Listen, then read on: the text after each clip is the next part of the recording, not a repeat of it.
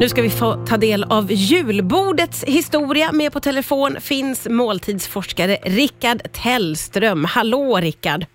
Hejsan hejsan! Du, hur länge har vi ätit julbordet som vi känner det nu skulle du säga? Ja, kanske sedan 1970-talet blir svaret på den frågan. Det var inte så länge som jag trodde då. Nej, men då är det som vi känner det i dess nuvarande form. Det vill ah. säga att man äter det som en enda sittning. Man äter från ena kanten av bordet till den andra. Mm. Och det började vi göra på 70-talets mitt ungefär. Och hur länge har julbordet hängt med då på det stora hela?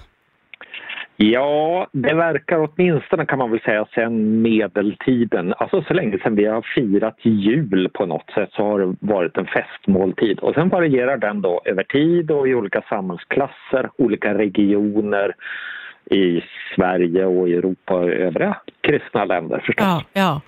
Men du, om man tittar på eh, rätterna då, vilka har hängt med längst skulle du säga? Ja, jag skulle lägga en slant då på de färska revbensspjällen. Mm. De, ja, men de är nog 800 år gamla eller någonting sånt. Jaha, okej. Okay. Och själva grejen med dem, ja men det var ju det att man åt ju lagrad mat hela året. Alltså torkat, saltat, rökt och så vidare. Men så slaktade man till jul och då fick man ju färska eh, grissidor och de gjorde man färska revbensspjäll av. Skinkorna däremot, de sparade man alltid till kommande sommar. Jaha. Så att de saltades ner och blev eh, sommarmat helt enkelt. Okej, då blir man ju lite nyfiken på när julskinkan kom in i bilden då. Ja, precis. Ja, den är betydligt senare. Så den kommer i slutet på 1800-talet och då har vi en sån stor omgörning av julbordet och då införs kan man säga julskinkan som idé.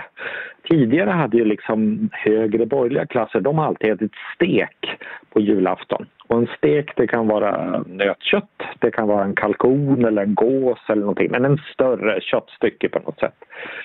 Och det är de här två traditionerna, det borgerliga julsmörgåsbordet med steken som slår ihop sig med allmogens eh, julslaktbord och så blir det det julbord som vi egentligen känner men ännu fram till 70-talet som sagt var så äter man det i serveringar. Ett smörgåsbord först, lutfisk sen och en efterrätt.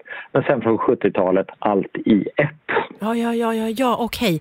Eh, men du, du nämnde ju det här med julgrisen. Eh, ja. och, och, grisen har varit viktig inför julfirandet. Ja, absolut. Och skälet till att så viktig det är ju att vi har haft så få grisar i historien. Därför grisarna konkurrerar om samma näringsnisch som vi äter ju samma sak som vi kan äta. Så mm.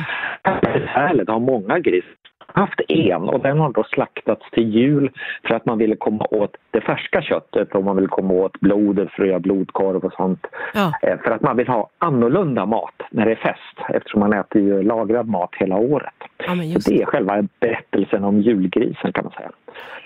Det här, man förknippar ju väldigt mycket eh, julen och julmaten med ett visst överdåd. Jag kan ha fått med mig det här från vissa filmer också.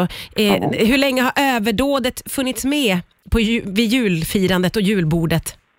Man kan säga att det alltid har funnits med därför att det här är vår största mathögtid. Det är ju nu precis efter skörd och efter slakt. Så fulla. Men den här Alexanderjulen, alltså den sena 1800-talsjulen, den är just då drygt 100 år gammal och hänger ihop med livsmedelsindustrialismen och hänger också ihop med att vi får det bättre ekonomiskt ställt och det blir större och större variation på bordet också. Så att det, det är riktigt stora överdådet som vi ja, Serifan och Alexander då, det, det är ungefär hundra år gammalt. Och då får vi också den nationalromantiska julen skulle jag säga. Alltså det här julen som är röd, julen som går i grönt, den klädda granen, julsångerna.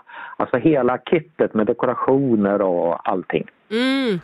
Eh, men du, eh, vad jag förstår på dig så är det mycket som händer på 70-talet.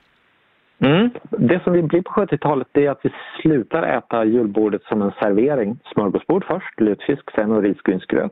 Och istället så blir det en slags buffé som i och för sig börjar med sillen så i formell mening är det inte buffé för man måste äta saker och ting i en viss ordning. Mm. Liksom, det har vi bestämt. Mm. Eh, men då blir det att det börjar växa i, i omfattning. Eh, vi får in, ja, Janssons frestelse börjar bli stor då. Mm. Och sen kommer sallader på 80-90-talet och eh, sen i vår tid så har vi tillkommit jättemycket efterrätter. Alltså små glas med en saffranssmoothie, saffranskladdkaka, eh, ja, flera efterrätter och sånt. Och restauranger just konkurrerar med att ha ett stort gotte och dessertbord. Det är viktigt. Men du, köttbullarna då?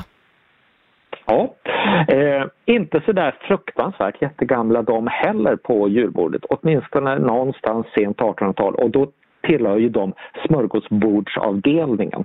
Men det fanns också de i allmogen som åt köttbullar och då åt man dem med sås och potatis, alltså som en rätt. Ja, eh, och inte att de är hasselnötsstora på en, äh, ett julsmörgåsbord. Men äh, man kan säga att hela julsmörgåsbordet det sätts samman i sent 1800-tal och, och så byggs det på med ja, inspiration inte minst från restaurangerna och den professionella matlagningen. Ja. Till exempel ägghalvorna 1920 och 30-tal. Då ah. kommer de. Du, ja. hur ser framtiden ut för julbordet tror du? Eh, det kommer förmodligen finnas kvar i all evärdlig tid eftersom det här är en måltid som vi egentligen bara äter en gång om året. Den har högt traditionsvärde. Eh, vi äter den med familj och släkt och manifesterar där vi kommer ifrån. Så att, ja, men den kommer nog hänga med ett bra tag till. Ja, det känns ju faktiskt betryggande. Tusen tack Rickard Tellström för att du var med här på Rix FM idag. Tack ska du ha.